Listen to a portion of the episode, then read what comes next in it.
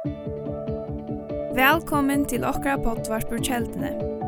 Loika mykje hvert var stater i dag, så vana vi at sin båskapring kan være til oppbygging for det og for tukt antall av loiv. Takk for at du loir av og njød dagsens båskap. Halleluja. Um, som sagt, et nytt år, alt er spennende.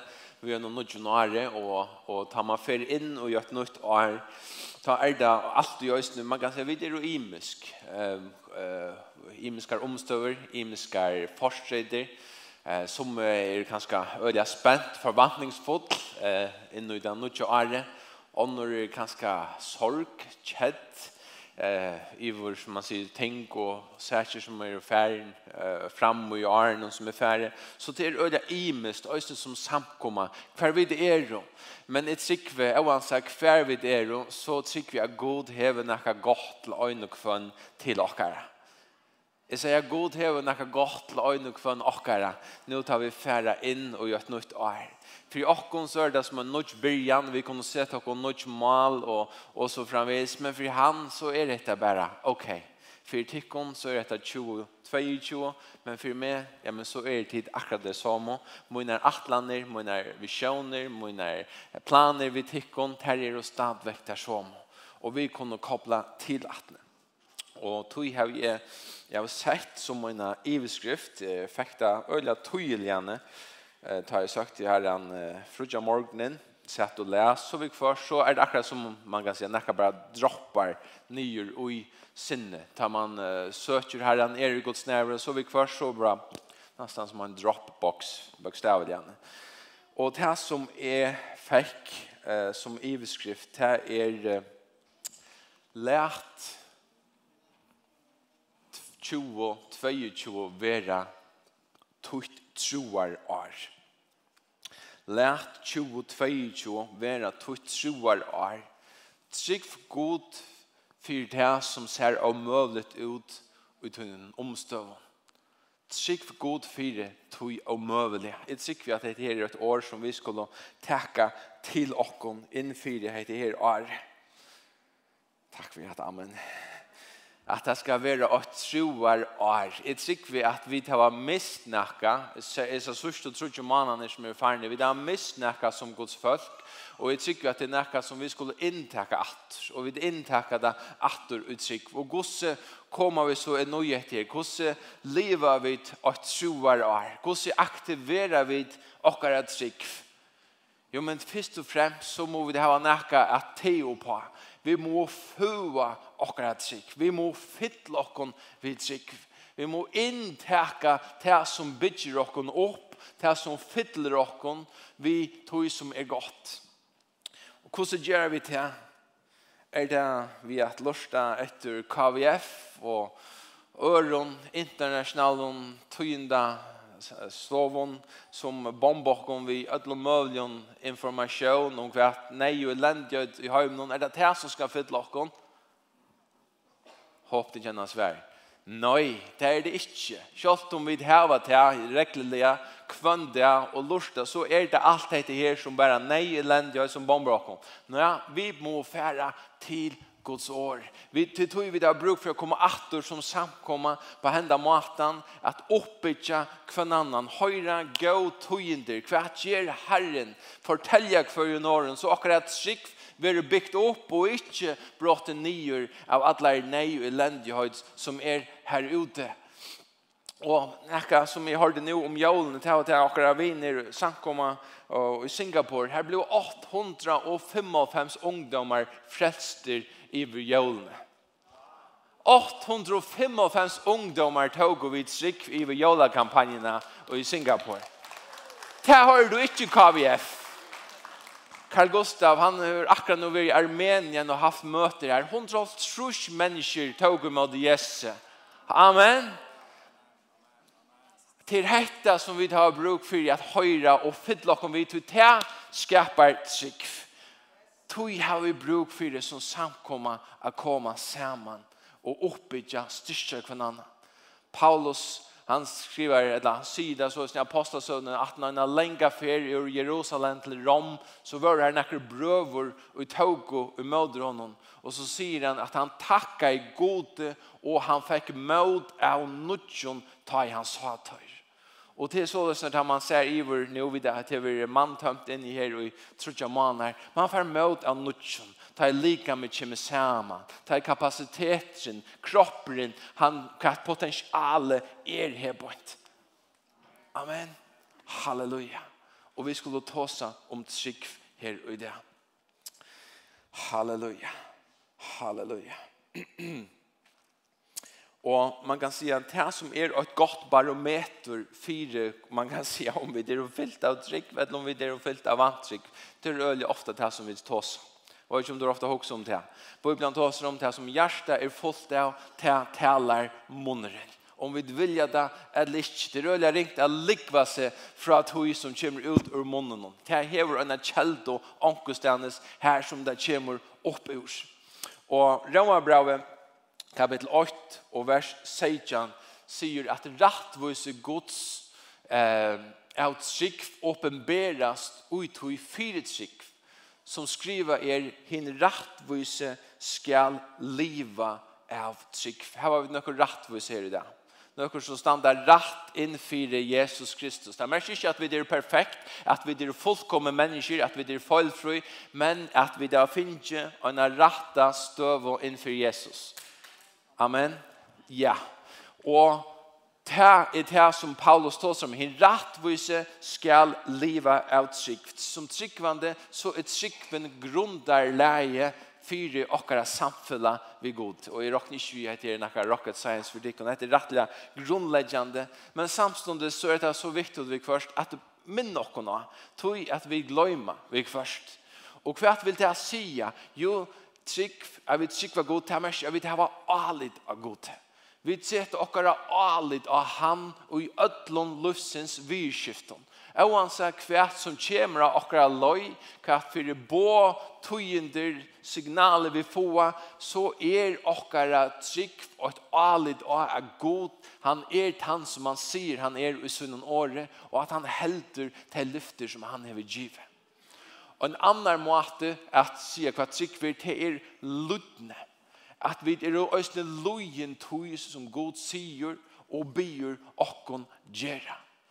Og jeg halde åtta besta døme eh och som i ärske tar vi först man har bruk för lucka som ah att lucka som att uh, kalibrera sig åter så färje till till hebreerbrevet kapitel eh Her ständer 13 til skoft til kapitel 11. Eh, og, og lese om hur troar hetsna. Hvordan de sett og sutt alit av god.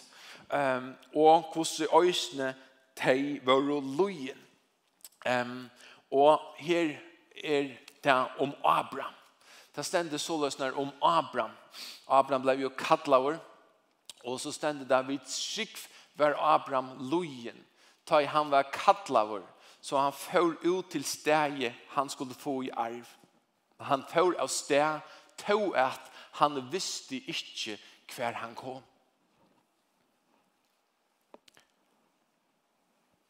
Han får av sted til at han visste ikke hver han kom.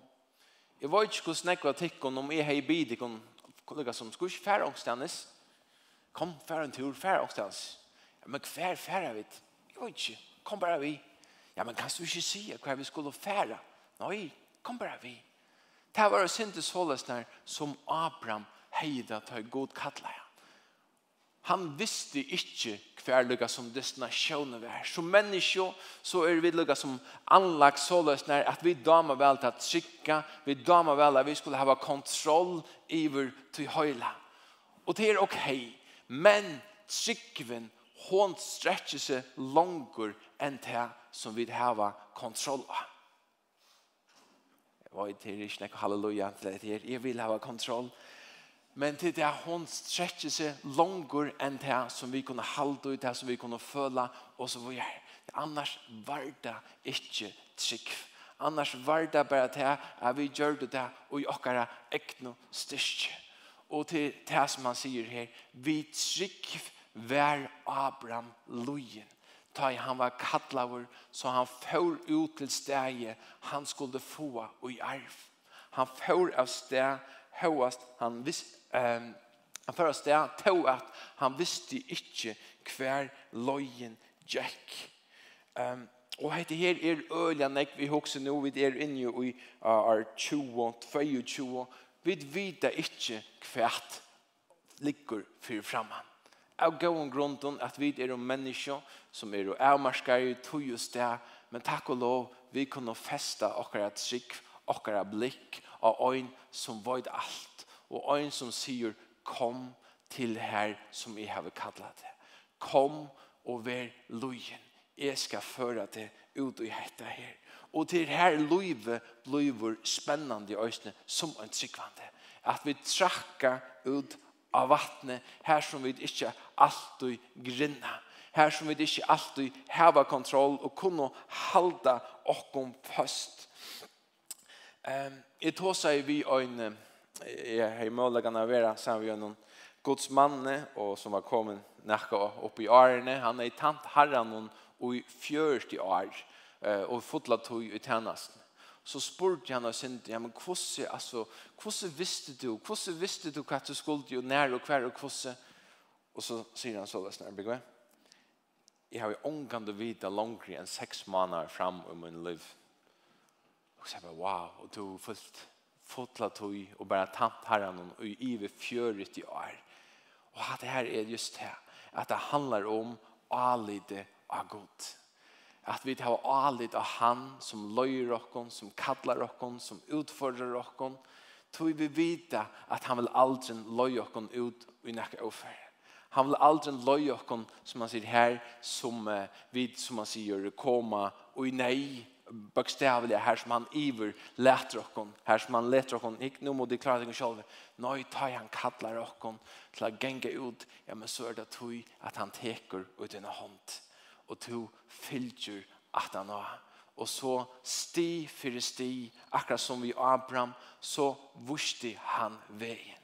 Jesus han var samman vid lärarsvönnen och han han lärde tar nekv. Men han säger östne och Johannes 16 till i have nekv efter att säga till tecken men till kunde inte bära ta en men ta i hela anden kommer så ska han loja tecken in och i atlan sannolikan vi gör en åren til er ikke, vi klarer ikke å roma ødlån alt du på en av veien.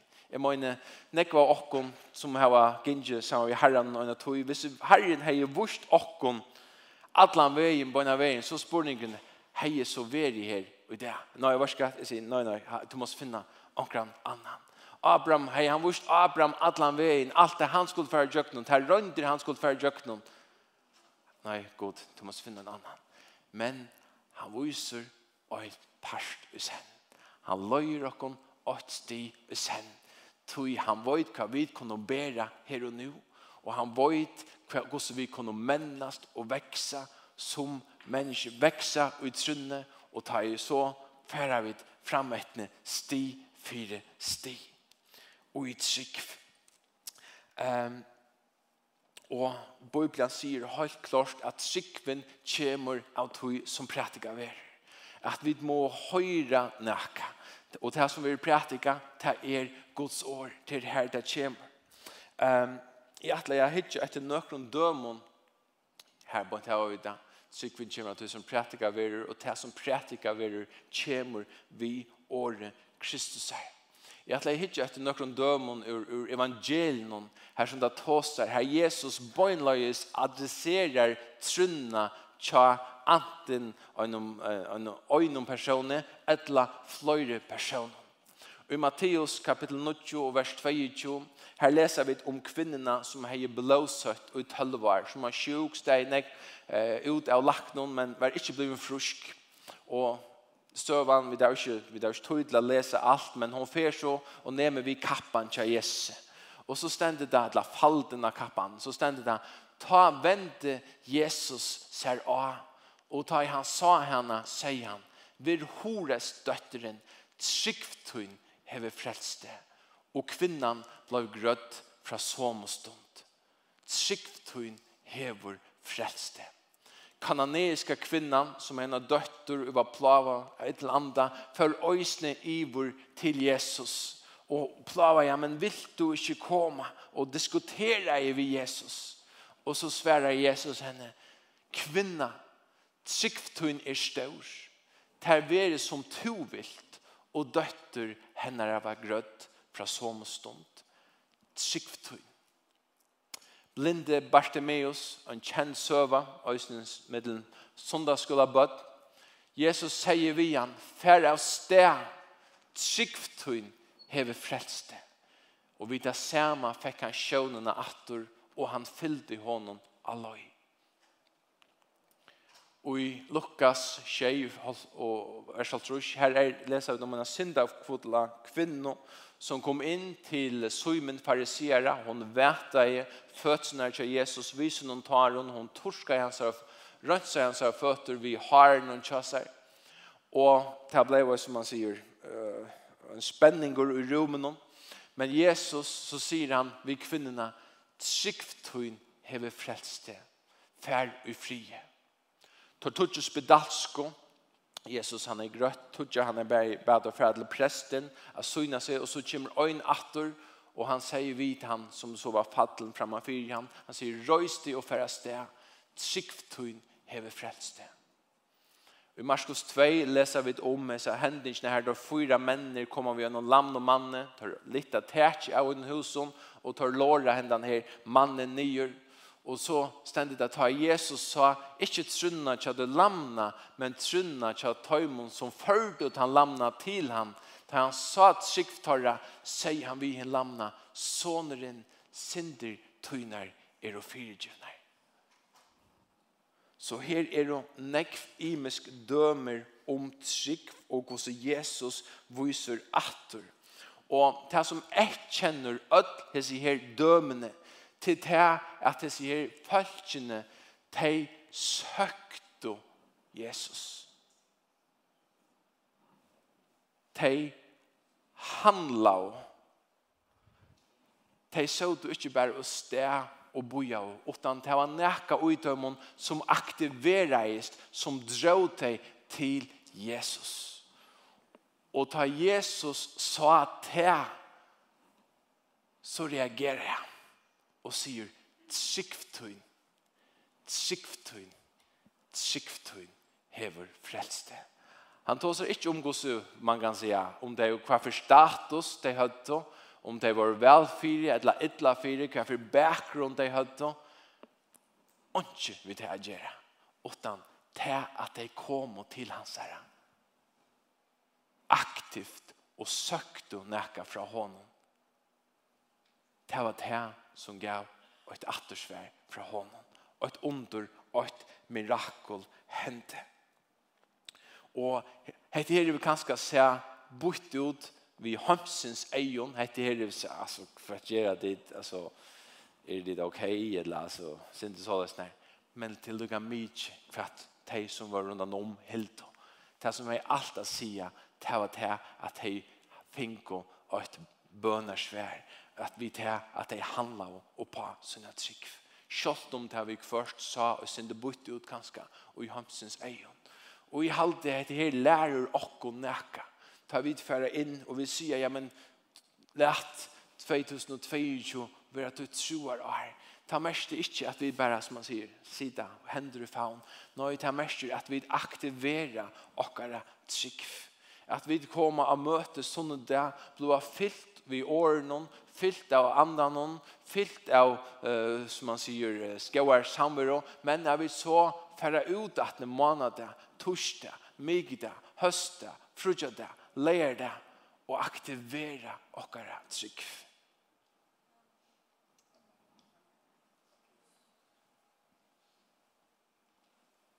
Ta kunne ting og sætter henda.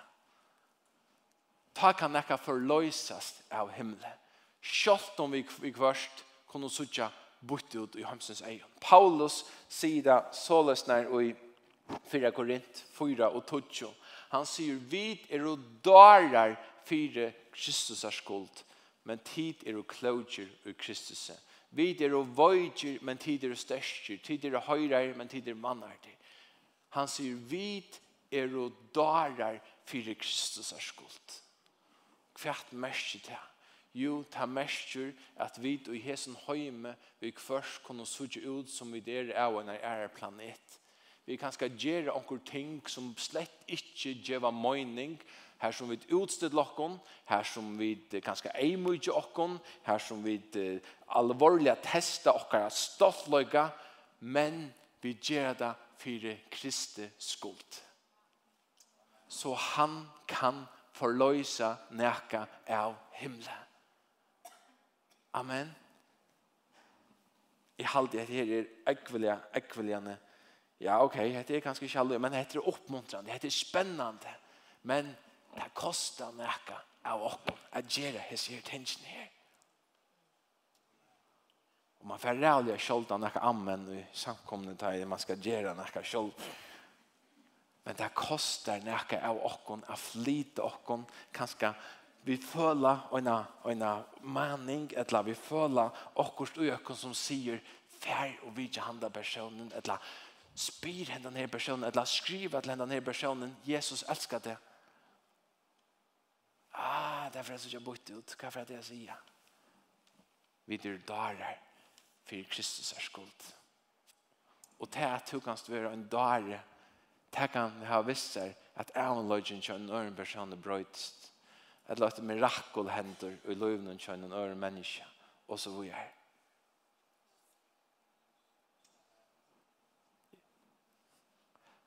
Og i 1922 ta flotto nekrir truboar inn i djunglene og i Ecuador.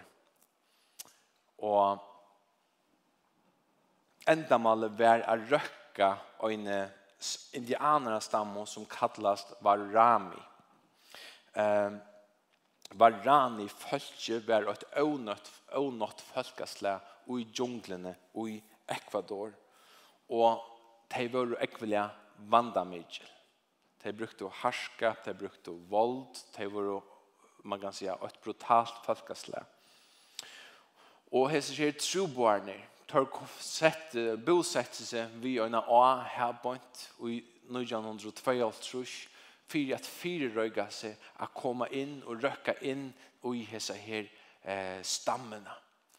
Og så at han nå at her finnes ikke kontakt eh, finnes eh, Lars Nække av Malen, så tan 8. januar i eh, 1906 så var det fører inn via en helikopter. ta var fyra mans, og, eller fem mans, fyra trubar og en pilot. Og då skjedde seg mitt, som man sier, stått eh, fra det som eh, bygde ned, la stenen her som jeg sier bo.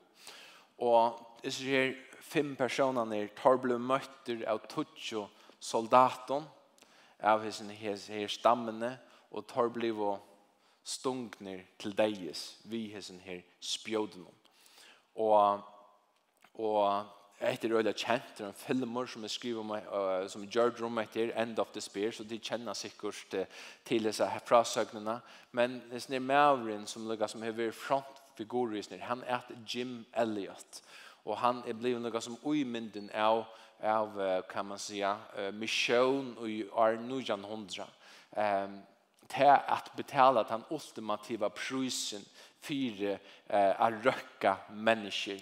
Og och er vi det som leta loj for att ånder skulle höra glädjebåskapet. Här ser fem menner tar døy, men koner tja döjmon föro tror är søttene in i henne, hese stammene, och de finko access. De fortalte hessen her folkene om Jesus, og de tog vi honom. Og hon ble, fikk et helt særlig status, Elisabeth Elliot, og i her stammene. Men det som er et sitat, han er deir Jim Elliot, men versene til honom taler enn, og han har et sitat som er eh, kjent. Han sier såles når, he is no fool who gives what he cannot keep to gain that which he cannot lose. Og av føreskånd, han er ånden dare og gjevur til som han ikke kan vervøyda, for jeg få til som han ikke kan missa. Sida øyne fra at Han er ånden dare og gjevur til som han ikke kan vervøyda, for jeg få til som han ikke kan missa, eller vinna det som man ikke kan missa. At tar for, tar visst du, hette er løyve, hette er det som det er. Og vi øtlom tog som her tilhører, til finnes slag. Men jeg kom ikke av vervøy dette. Men det som kommer til å vervøy, det som jeg omgående kommer å missa, det er jo å vinna under mennesker for Jesus. Så det er det som har vi avmåleggen å gjøre. Det kan være darskaper og i Hamsens eion, men det er hever oendelig størst vire vi himmelskon eion. Og her har vi öll okkara lot. Vi kunne öll gjera nekka. Og du også sier, nei, jeg kan ikke. Jeg sier, jo, du kan. Nei, jeg kan ikke. Lett okken fra til domara, bøtjene, kapittel 6. Her leser vi en fraså om en ungan mann, en som är att Gideon. Och støvann i Domarbörsen 6 är att midjanitter har valt i Israel. Och Israels folk är flutja nian och i fjøtlene, och gøyme sig og i hålen här bort. Och årsöken till just detta är att Israels folk hever i ålöje och og og tog hever god løft hesen her fudgindan on tige valdi og i Israel. Men så kommer kommer en angel til Gideon. Og det stender såles nær fra vers 11. Angel Herrans kom nu og sette seg under øyne og i åfra, her som Joas av slekt Abiesers rådde. Gideon, soner hans, stod ta og treste kvøyde og vunpersene for å bjerge henne undan midja 19. Angel Herrans vurste seg fyre hånden og sier vi han, Herren er vitt her, Jarvi Kappe. Wow.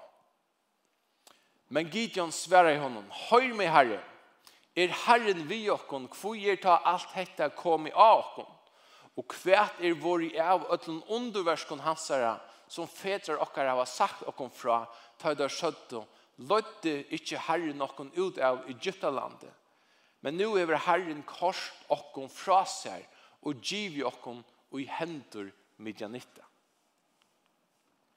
Ta vendi herren sær til hansare og seie, Færa sted og i hese styrke tøyne, så skal du frelse Israel ur hånden midjanitta, sanneliga er sendet til. Men Gideon sværa i honom, Hør meg herre, hvordan skal du kunne frelse Israel? Slekt mun er jo tann og minst hevra tøya og i manasse, og er i yngstur og i fedra huset munnen. Herren sier vi han, jeg skal være vitt her, og du skal høgga med janitter nyer atler som øyn.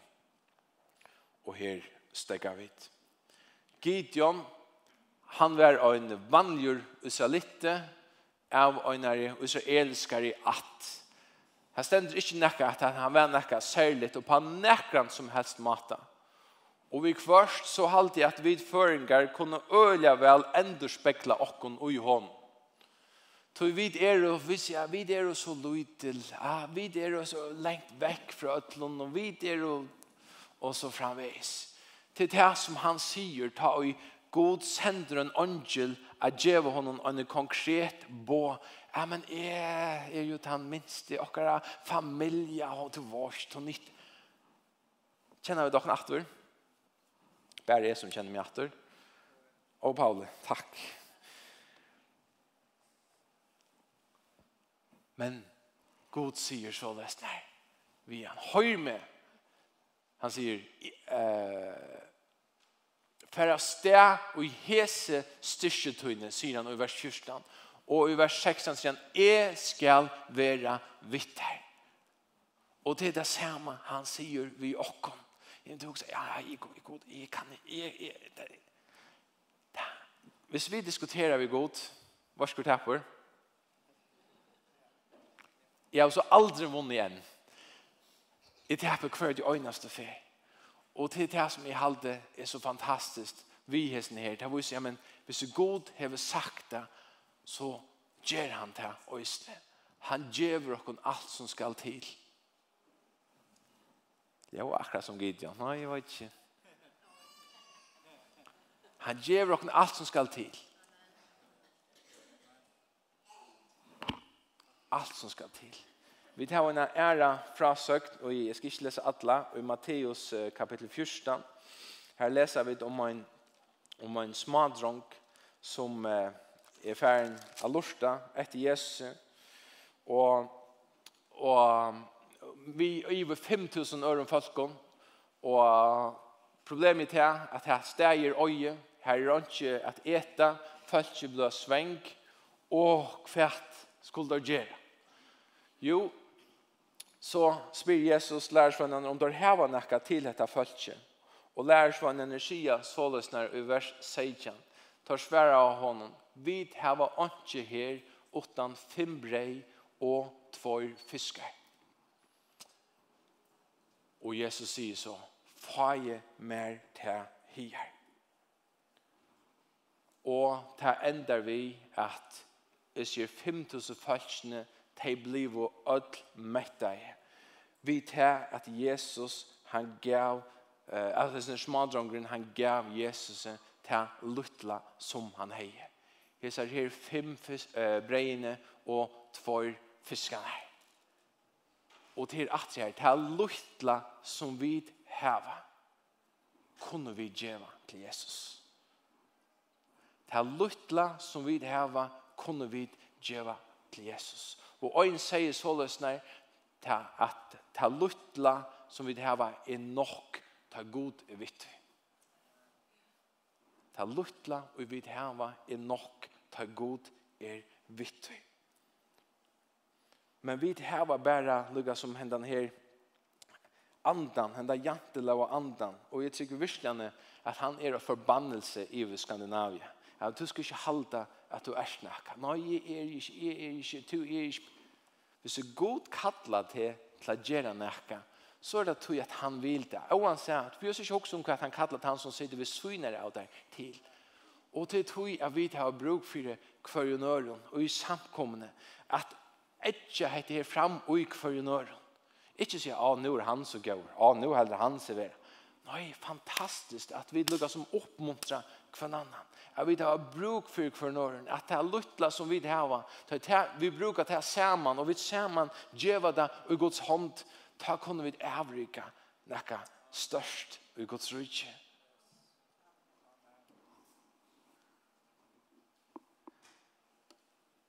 sier vi til han som sier til vi sønner andre, ta luttla som du hever er nok, ta god er ute. Amen. Halleluja. Og det er så viktig at, at vi skiljer heter her, at vi har bruk for for nåren. Et vers som er, man kan si, jeg lukker å lese etter først, det blir bra 20, 24, 25, Lät jag kunna göra gator kvar efter öron så vi får kvar annan att bränna och kärlega och gå om värskom. Och inte göra pät att komma samman kvar vi annan så som syr er till sommaren. Men aminna kvar annan och det som är mera som till sutja dävren närskast. Och det här har vi allvarligt haft citeras så som och og tøyna. Ikke gjør pät att komma samman kvar vi annan. Vi vill komma samman av möte, Guds år och allt det här forskjelliga. Og takk og lov, fantastisk å sitte etter her i det. Men så husker jeg øyne om det som stender. Nå tar vi kanskje komma samman så kan det vara man kan säga vi skulle lugga som vintast och gångdattne man är inte akkurat några som i stöd någon kanske vi det var kanske byggt in era vänner som Paul nämnde sista sonen där ja, vi skulle lugga som spår och kon in att ni har heter här förskälja och det kanske ösni så lösnar att som kanske har ett sträckt vi har komma in att ni tog att till gingen en frost till blir en frost över och man är kanske ah man föll sig det så här ta också om vers 24.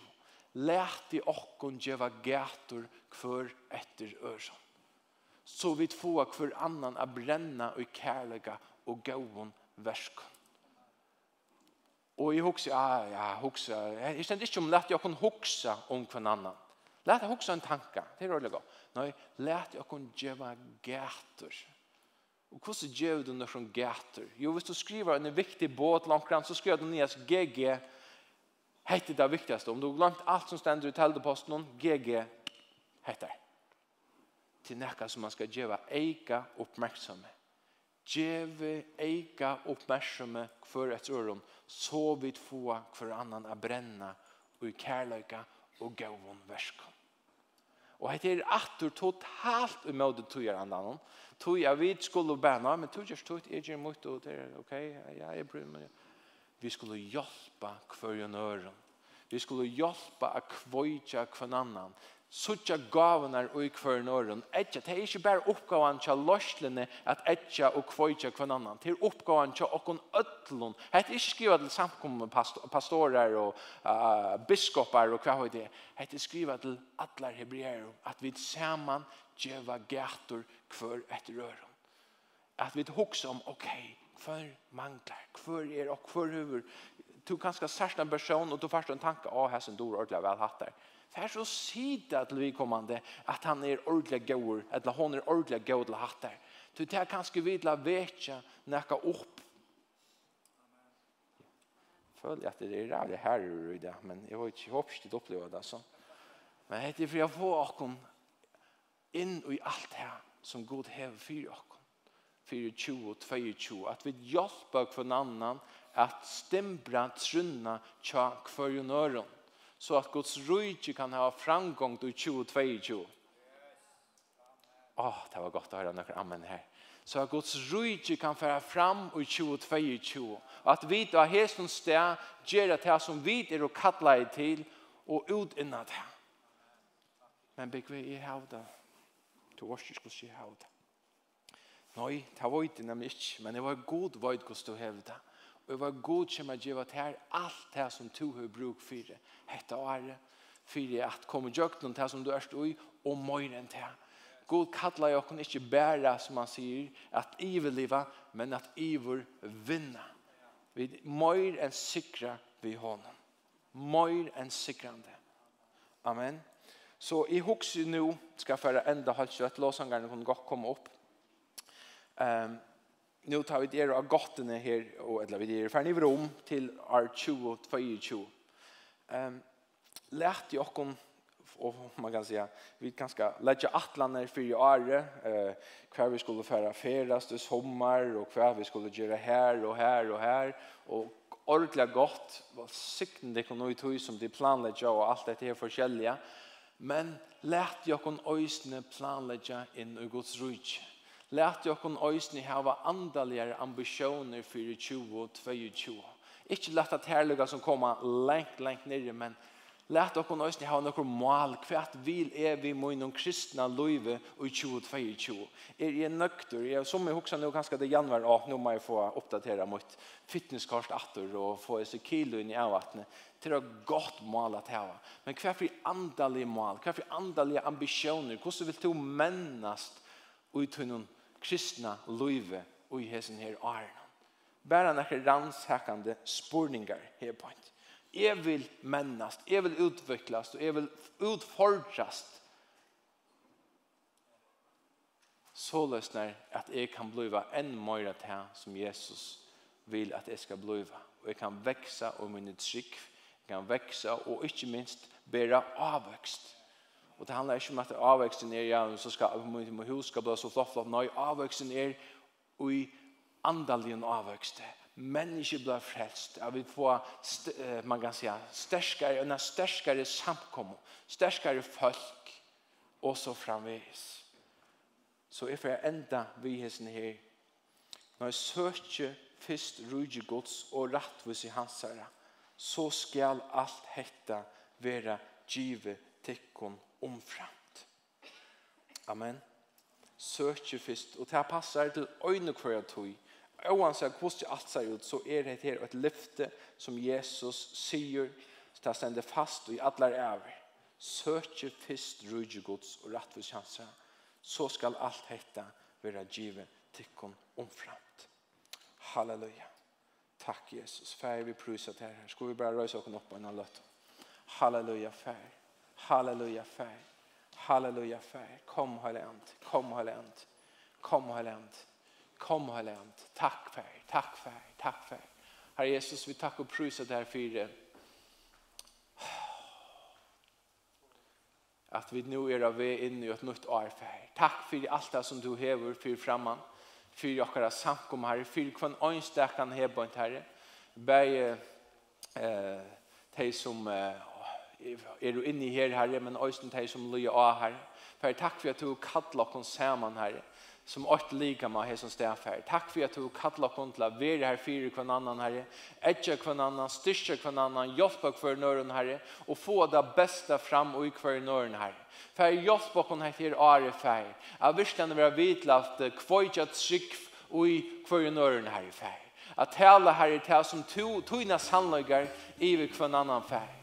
Fær av vera vi, av vera lojt av tunnen anda her, en størskare fær, heter Ari her. Å, ta bia vi dut fær. Å, høyla i fær. Fær i bi om at dirvi her. Å, i bi om at dirvi her. I vr øyne kvønn fær, til at, til at vera darar fyrir Kristus er skuld her i fær. Det som er høymen noen darskaper, herre, det hever størst viri her, og i tær her. Halleluja, fær. ta bia vi dut fær. Og i det her, herre, Øyne kvarjon jantel av anda herre. ein kvarjon anda av individualisme herre fær som bara vil køyra sitt egna løp herre fær. Men fær vi be herre om en øynløygans anda fær. Här som vi samman bytja kvann annan upp herre för minna uh, och kunna kvann annan herre Jesus. Så är det gaver som är fullna i herre så be vi dem att du vet ju då att ni för du vet ju då på att ni är samkomna för halleluja för Halleluja, fær. Fær, vi ber tøymon her som kanskje ja, har haft det sälja harskt dessa tojna, fær. Ja, vi ber fär om at du kommer, her, og vi tunne kraft og tunne styrke, her, og du røyser deg opp at ni, fær. Røyser deg opp at ni, her. Røyser deg opp at ni, her. och tunne kraft, herre, fær. Och tunne styrke, herre, Jesus Kristus. Ja, ta ber vi dig, fär. Ja, ta ber vi dig, elsker Jesus. Halleluja, fær. Vi ber om at du løyser her, du fotla potential Sjali, Herre, i vresa samkom her. Ta fotla på den sjali, Herre, vresa samkom og fær. At hver limor, Herre, hver limor, Herre, fær skal være brukt, og fær. Og Jesu Kristi dörra bära navn Herre. Å, halleluja, fær. Å, halleluja, fær. Å, vi prysar der fær. Halleluja, fær. Fær vi ber for familjen og Herre, tjona bonden, Herre. Hette er Ari, fær. Vi ber sikning Herre, i tjona bonden, fær. Og Jesu Kristi dörra bära navn fær. Er det nekkar som strujist her i fær, så bia vi fyrdømmen her, i Jesu løte her, i Jesu Kristi døra bæra navn her. Vern du verjo her, vern du verjo her. Halleluja, halleluja fær. Å, vi prysat her her. Høyla i ande, høyla i ande, høyla i ande. Å, kom, kom, kom, kom. Kom, kom, kom, kom. Halleluja fær. Å, vi prysat her.